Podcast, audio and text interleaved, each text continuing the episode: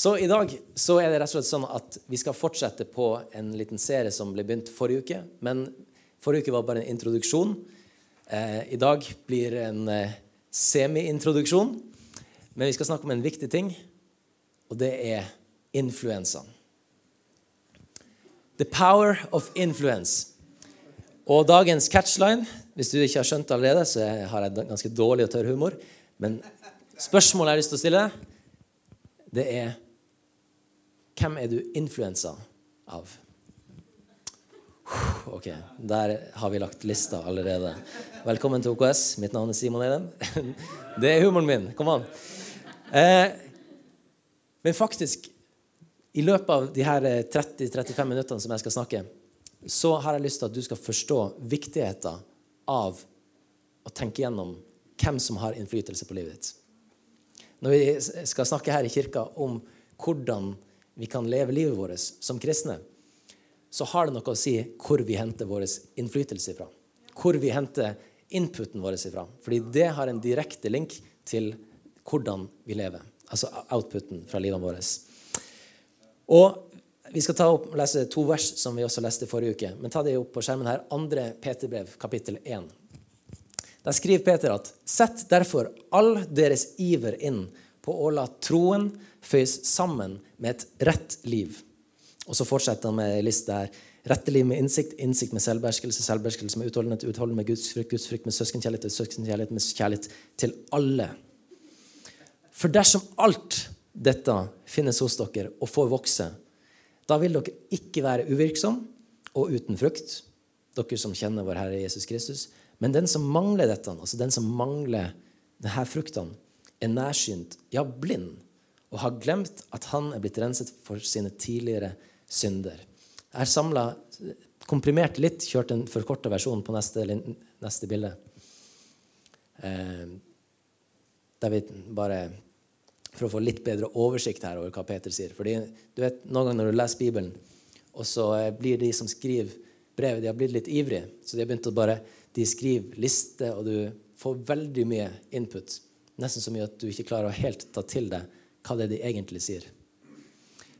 Men det Peter sier her Sett for all deres iver inn på å la troa føye sammen med et rett liv og alle de fruktene. For dersom alt dette finnes hos dere og får vokse, da vil dere ikke være uvirksomme og uten frukt. Så vi er altså oppmuntra og kalt til å være ivrige og søke informasjon og være nysgjerrig. Vi snakka forrige uke om det å være mer nysgjerrig. Stille mer spørsmål. Vi er altfor kjedelige, folkens. Vi lever i et kjedelig samfunn der vi bare publiserer ting. Vi kaster ut informasjon og er fornøyd med det vi leverer. Og vi ikke, tar oss ikke tid engang til å bli kjent med hverandre. Vi tar oss ikke tida til å gå dypere.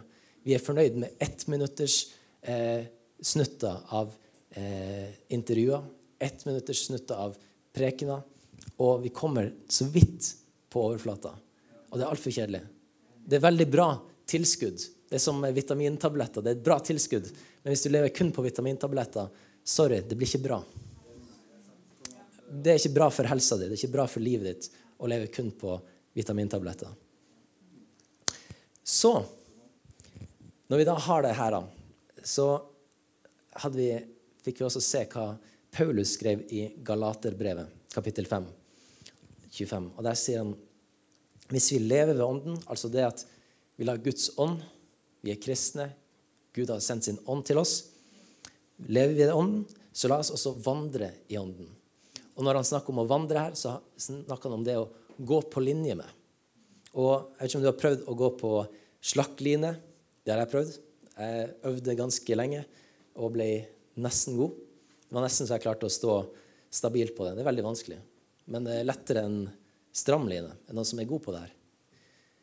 Det er sant, Da er jeg best i rommet, antageligvis. Da er jeg best i hvert fall til én ting.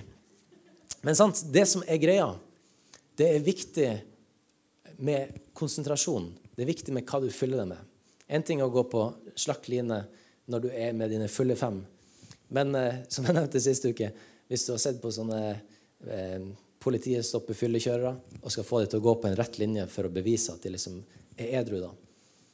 Så ser du at, at de av det de har tatt inn i livet sitt, på grunn av deres input, det som de har fylt seg med, så klarer de ikke å gå på den linja. Åndelig sett, når vi tar til oss rusmidler av forskjellig slag som gjør at vi ikke klarer å gå på linje med Guds ånd og Guds ord, så trenger vi å gjøre en evaluering. Er det sånn jeg har lyst til å leve? Har jeg lyst til å leve på denne måten at jeg, at jeg alltid skrent ut til sida? Eller har jeg lyst til å evaluere, evaluere livet mitt? Se på Har jeg de her fruktene som Peter skriver om? Har jeg utholdenhet? Har jeg selvbeherskelse? Har jeg gudsfrykt? Søskenkjærlighet? Og kjærlighet til alle mennesker? Har jeg de her tingene? Hvis, hvis, du ikke er fornøyd med der du er i dag, OK, good news til deg. Vi er her. Vi er samla for å høre Guds ord. Og allerede nå så tror jeg det skjer gode ting i hjertene våre når vi velger å ta til oss input fra Guds ord. Så The power of influence til deg som er glad i overskrifter. Vær så god. Influence. Hva betyr det her, da? Jeg søkte opp, fant det på engelsk, og da sier de det her. Influence det er to affect or change how someone or something develops, behaves or thinks. Eller en annen plass så sto det at the power to have an effect on people or things or someone or something having such power. Altså influence, det er å ha makt eller innflytelse på et menneske eller en ting. Andre mennesker rundt oss. Og, og det er her vi allerede kan gjøre en evaluering av vårt liv. da. Ok, Hva er det som har påvirkning på meg? Hva er det som jeg tar til meg av input? Spiser jeg god mat? Hvis vi tar det her over i treningsverden, så kan vi se at, at hvis du spiser godt, hvis du trener godt, og hvis du gjør alle de her tingene som man må gjøre, så får du en output, og det er tydelig. Du ser at det fungerer. Åndelig sett så er det litt vanskeligere fordi det er usynlige ting. Men man kan se det allikevel i uttrykket folk har. Har du glede? Har du fred? Du, har du fått høre det? Har du skjønt det? At du er rettferdig. At Jesus, som Karina sa her i starten, at Jesus har gitt sitt liv for deg. Det er en sånn ting som når det synker inn, det gjør at du bare Wow. Min trygghet er ikke i hvor rettferdig jeg klarer å gjøre meg sjøl. Hvor mye bra jeg klarer å gjøre. Jeg har lyst til å gjøre veldig mye bra, men det er ikke derfor jeg er verdig framfor Gud. Det er fordi Gud han har elska meg først. Og når, når, vi nå snakker om å passe på hva vi tar til oss, så må du være obs på en ting. Vi skal ikke inn i det såkalte ekkokammer. Altså en plass der du lukker deg fra alt annet rundt omkring i verden. At vi kun sitter her nede i Fløyahallen i kjelleren og finner ut hvordan verden skal leves, og, og hvordan livet skal leves, og hvordan alt henger sammen. Ekkokammer det er en plass der du isolerer deg og ikke tar til deg noen andre ting. Og Vi ser det på internett at uh, det her bare eskalerer fordi folk graver seg inn i konspirasjonsteorier. De graver seg inn i forskjellig ditt og datt og ender opp med å være helt immun mot andres input og tanker. De, står, de er så hard at de ikke har evne til å være formbar. Og vi trenger å være formbar, men formbar fra riktig side. Som et egg. Veldig formbart fra innsida fordi livet får lov til å vokse fram. Og når livet er klart til å fødes, så sprekker det fordi det er formbart. Fra utsida så er det hardt fordi det er, skal beskytte det som er på innsida. Og Hvis vi lever livet sånn, vårt sånn at vi lar oss forme av alt på utsida, så vil det skje akkurat det samme som det skjer med livet inni egget. Når du knuser det, så er det ikke liv lenger der inne. Fordi du lar alt formes fra utsida. Jeg har vært borti, jeg har ikke vært i, men jeg har hørt om menigheter som i sitt jag etter å være relevant, og forståelig for omverdenen. At de slutter å snakke om Jesus. De slutter å undervise og nevne navnet Jesus i prekenene sine. Men i praksis da, så ender man opp med et liv der troa aldri føyes sammen med alle andre aspekter av livet. Altså måten man lever på. Og som vi så i det første verset jeg hadde oppe, man ender opp med at man blir nærsynt og blind, egentlig, for hva Jesus har gjort for deg. Peter sa at man ender opp som nærsynt, ja, blind, og har glemt at man har blitt rensa for sine tidligere synder. Ok? Vi har ikke lyst til å gå dit. Men skal vi være relevant som kirke? Skal, skal, skal OKS Tromsø skal det være relevant? Skal det være, skal det være forståelig å komme på en gudstjeneste i kirka her? Ja, jeg tenker sånn her. Så lenge evangeliet om Jesus Kristus er relevant, så skal vi være relevant. For det er det vi som kristne og fellesskap er kalt til å vitne om. Evangeliet om Jesus. Og jeg vet ikke med deg, men sist jeg sjekka i verden, så virker det ganske relevant med en frelser som har gitt sitt liv. En som er sterk nok og stor nok til å sette folk i frihet. En som gir trøst til de som trenger trøst. En som gir håp til håpløse. En som helbreder syke. En som er større enn alt det rundt oss. En som fyller livet med mening. Eller tar jeg feil? Er ikke dette relevant lenger? Dette er veldig relevant. Og to påstander jeg har lyst til å, kaste ut til det her. Det ene er at den dagen Kirka, eller vi som enkeltpersoner, slutter å snakke om Jesus, det er den dagen Kirka går ut på dato. Den dagen vi slutter å formidle evangeliet om Jesus Kristus, uansett hvor mange andre bra TED-talks vi kan bli inspirert av, og hvor mye selvhjelp og hvor mye eh, hvor god og snill og flink og bra vi kan bli av alt mulig annet. Men vet du hva? Vi må la oss forme fra innsida evangeliet om Jesus Kristus, at han har gitt sitt liv for oss. Vi har fått Guds ånd på innsida, og den ånd hjelper oss og jobber i oss til å føde fram et godt, nytt liv. Og påstand nummer to. Den er til deg direkte. Det er først når troa di føyes sammen med levemåten din, at troa blir relevant og interessant. Det det er først når troa di føyes sammen med levemåten din, at troa blir relevant og interessant. Vi kan tenke at, eh, at eh, det er fint å holde troa atskilt fra andre ting i livet vårt. Altså, Gud forby om kollegaene mine på jobb skulle finne ut av troa mi. Med andre aspekter av livet kanskje vi prøver å skille av familien vår fra vennene våre Kanskje vi prøver å skille troa fra økonomien vår. Uh. Vi har mange aspekter i livet. Og det vi ikke er tjent med, det er å prøve å holde de atskilt. Når vi leser Bibelen, så, så, er det ikke sånn at Bibelen lister opp dette er de forskjellige områdene i livet. Og sånn skal du leve på alle de. Men med å lese ordet så, vi, så ser vi at det er noen eh, prinsipper og noen, noen måter å leve på som hjelper oss til å se at i de forskjellige arenaene vi er, med de forskjellige menneskene vi er rundt, så kaller Gud oss til å føye troa vår sammen med de her tingene. At familielivet vårt får lov til å preges av troa vår.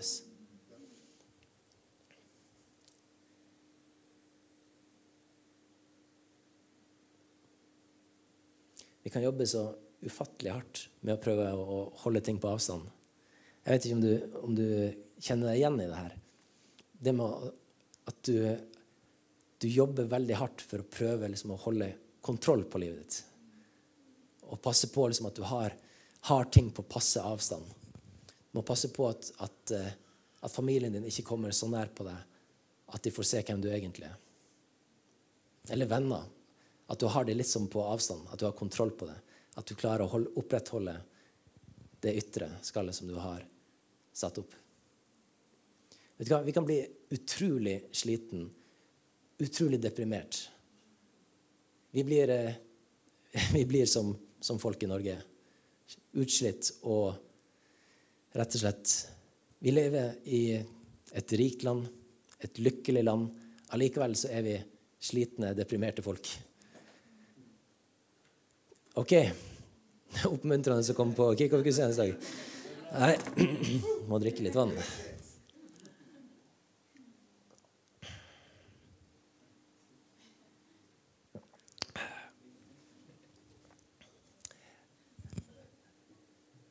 Så det er en liten sånn evaluering i dag. ok? Vi må tenke gjennom hva er det som får oss dit vi er i dag, da? Hvem er det vi tar til oss input ifra? Og la meg si det her. Nå går jeg ganske konkret inn her. Og egentlig hadde jeg ikke tenkt å gå veldig konkret inn i dag. Det hadde jeg tenkt å spare til neste uke og litt utover. Men da jeg satt og forberedte meg, så tenkte jeg en eller annen gang så må vi begynne å bli konkrete, altså. Hvis vi skal prøve å jobbe sammen som menighet med å finne ut av hva er det Gud kaller oss til, er det, hvordan er det Gud ønsker at vi skal leve, hva er det beste for oss? Gud som skaper har jo en tanke med skaperverket sitt. Og da kan vi sammen jobbe for å finne ut av hvordan er den beste veien å gå. Og la meg si det her. Du må tenke over hvem du lar fylle hodet ditt. Hvem som har autoritet til å publisere sine tanker og ideer inn i ditt sinn. Influensere kan si mye bra om de. Eh, nei, det kan jeg ikke. Noen av de har det bra. Influensere som får autoritet på ikke annet grunnlag enn at de har mange følgere. Har du lagt merke til det? Hvordan når det skjer ting i verden, så kommer det alltid noen artikler opp i media med de, her, de, store, de med de største bloggene, de med de fleste følgere på Instagram. Og jeg lurer på Men hva i all verden?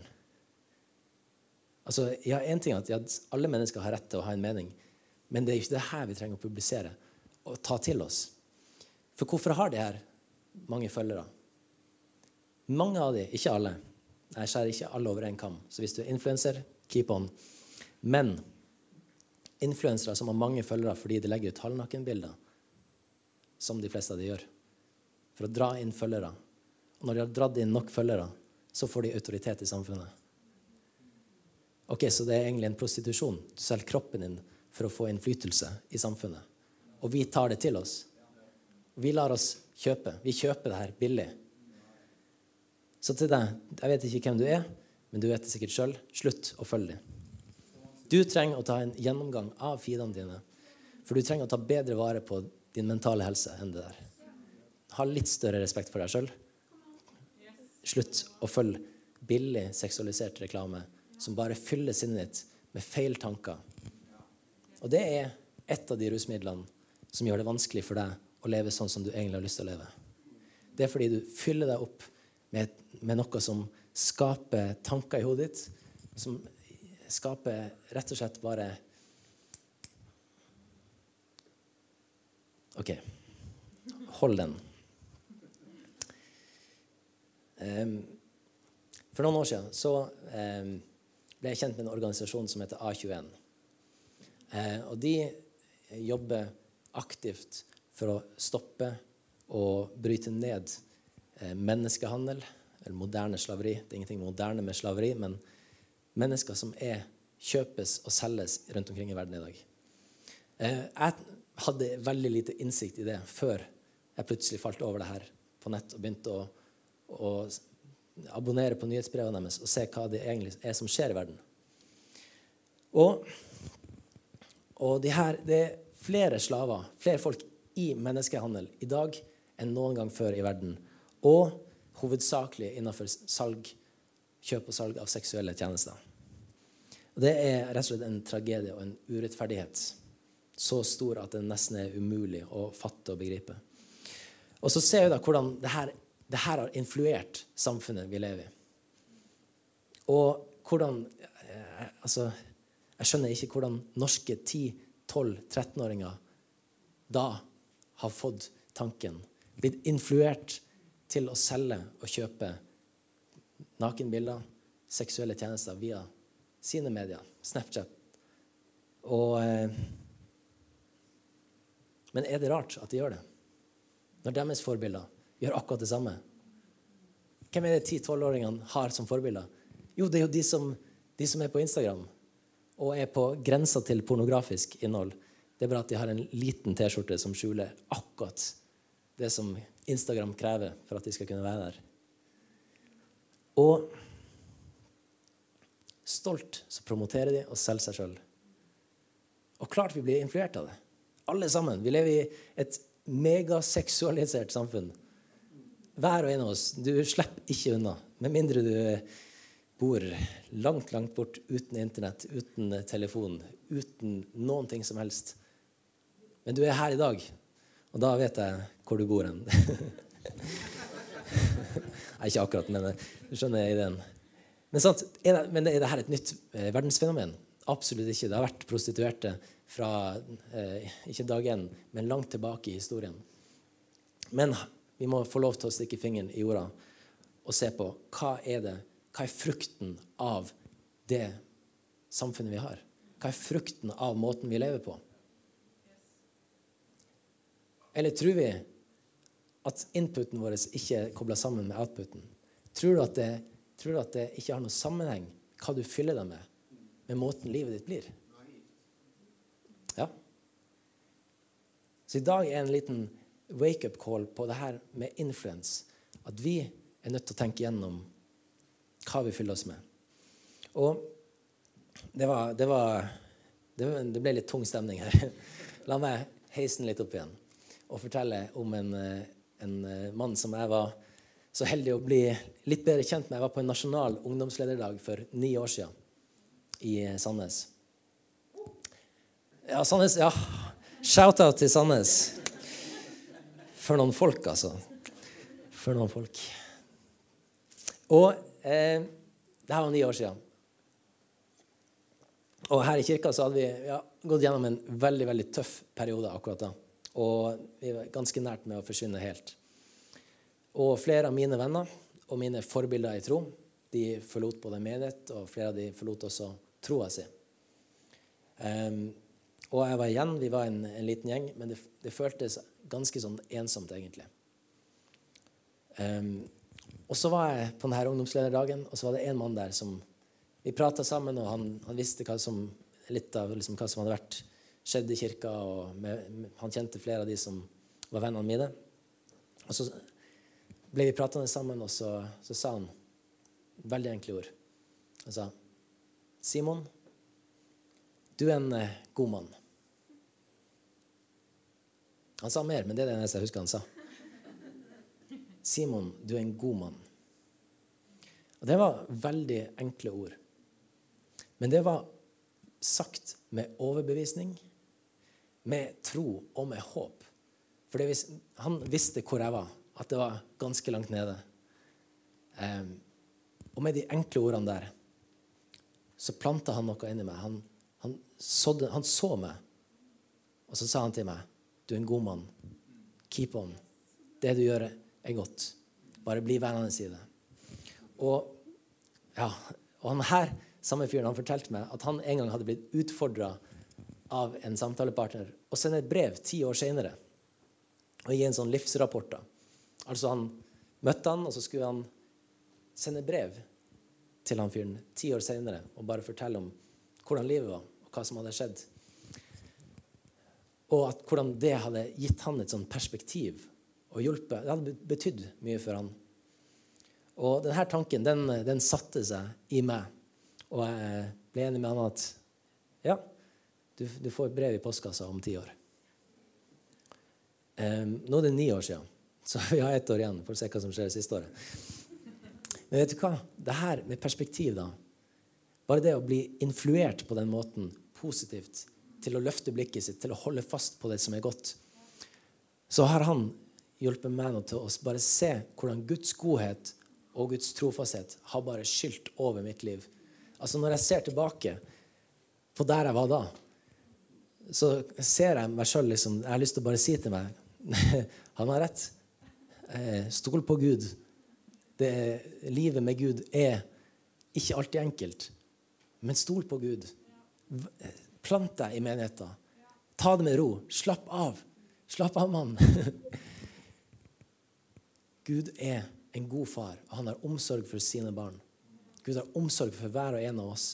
Og selv om det er kaos rundt oss, selv om det er styr, selv om det havet ser ut som det skal skylle over oss anytime, slapp av. Gud har omsorg for deg. Og vi er nødt til å la oss influere av de rette tingene. La meg ta noen her vers opp her, fra første Tessalonikerbrev. Derfor takker vi stadig Gud for da dere fikk overlevert det Guds ord som vi forkynte for dere, så tok dere imot det, ikke som menneskeord, men som det Guds ord det i sannhet er. Og dette ordet er virksomt i dere som tror. Du vet, Når vi samles her til gudstjenester, så har vi alltid undervisning fra Guds ord. Og tro det eller ei, men det er alltid et menneske som står og snakker. Enn så lenge så har vi det i hvert fall. Kanskje kan vi få, når Apple og de der har utvikla robotene sine godt, så kan vi få de til å preke. Men enn så lenge så er vi mennesker som står her. Og du lytter akkurat nå til menneskeord. Akkurat sånn som da Paulus var og forkynte menigheten i Tessalonika. De forkynte med sin munn. Men det de forkynte, det de sa, det var basert på undervisninga, eh, ordet fra Gud. Guds ord. Guds tanker. Evangeliet om Jesus Kristus. Og de tok imot det, ikke bare som menneskeord, men som Guds ord. Et ord som er virksomt i oss. Et ord som er annerledes enn det du får andre steder. Jeg er veldig glad i TED Talks. Det er fantastisk. Det er masse interessant å lære derfra. Jeg er glad i, i andre eh, podcaster og ta input fra folk som har levd interessante liv. Folk som er litt sånn tør å by på seg sjøl, tør å liksom gjøre ting. Og det er veldig bra. Keep on. Lytt på det. Men Husk også på at det er Guds ord i oss som er virksomt. Det er Guds ånd som bor i oss, og det trenger også næring. Vi må passe på hva vi tar inn, og være obs på at hei, nå har jeg lytta på veldig mye bra undervisning, men nå trenger jeg Guds ord. Nå trenger jeg å ta, åpne Bibelen min. Jeg trenger å skaffe meg en bibel. Jeg trenger å åpne Bibelen min. Jeg trenger å lese. For Guds ord det har vi tilgjengelig i Bibelen vår og 2. Timoteus 3,16. Hver bok i Skrifta den er innblåst av Gud og nyttig til opplæring, til rettevisning, veiledning og oppdragelse i rettferd. Det er jo akkurat de her tingene som vi er ute etter nå. Det å føye sammen troa vår med måten vi lever på. Hvor er det vi skal gå da, når vi skal finne ut hvordan vi skal leve livet? Vi må nå gå til Guds ord. For det er sant, og det er nyttig til opplæring, til rettevisning og alt det der, sånn at det mennesket som tilhører Gud, kan være fullt utrusta til all god gjerning.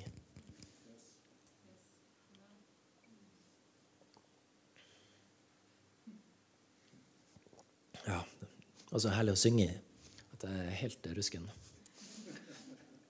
Det å, å tilbe Gud, det er fantastisk. Å få lov til å, å løfte stemmen og, og, koble hjertet på og si, 'Herre, du ser min, min omgivelse, mitt liv.' Jeg gir mitt liv helt til deg.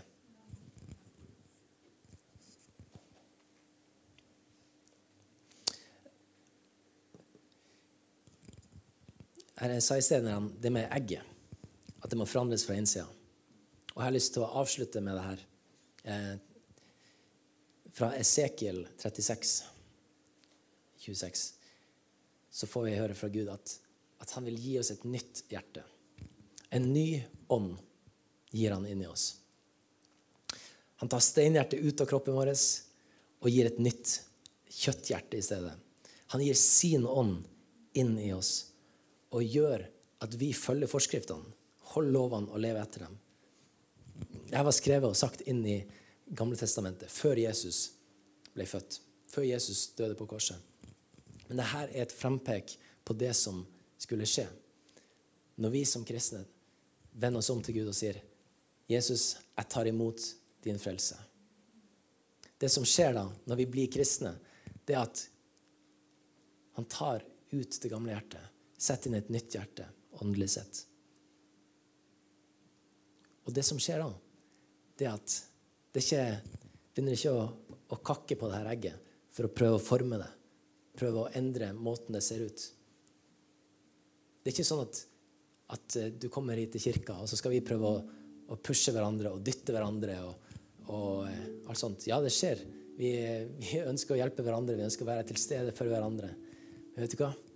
Forandringa, hvis den ikke skjer innenfra, så er ikke det sunt. En kombinasjon av innenfra og utenfra, det går bra. Men det, som, det må skje inni deg. Når du, er, når du, kjenner at det veller fram fra innsida en forandring At du jeg har lyst jeg har lyst til å leve sånn her. Jeg har lyst til å fylle meg med Guds ord. Jeg har lyst til å gå på linje med Guds ånd. Jeg har lyst til å leve sånn som Gud har tenkt at jeg skal leve. Da er vi der. Filipperne 2,13. For det er Gud som er virksom i oss, så dere både vil og gjør det som er etter Guds gode vilje. Det er ånden i oss. Og da har jeg lyst til å avslutte her i dag med å bare åpne opp for en invitasjon til deg. Du som eh, Du har kanskje fått med deg noen ting i talen her, noen ting som du sitter igjen med, men, men du tenker at Hei, ta meg tilbake til starten, da. Du sier at eh, du skal ikke forandres fra utsida, men forandres fra innsida. Ja, men jeg har ikke det på innsida som trengs for å starte den prosessen. Da har jeg lyst til å invitere akkurat her og nå til at du kan si ja til Jesus. Invitere Jesus inn i hjertet ditt. Ta imot alt det som han har for deg. Og ja, det er gratis å være kristen, men, men evangeliet er ikke billig. Det kosta alt for Jesus. Han ga sitt liv. En høy pris. Og når han har gitt alt, da skylder også vi å gi vårt liv for han.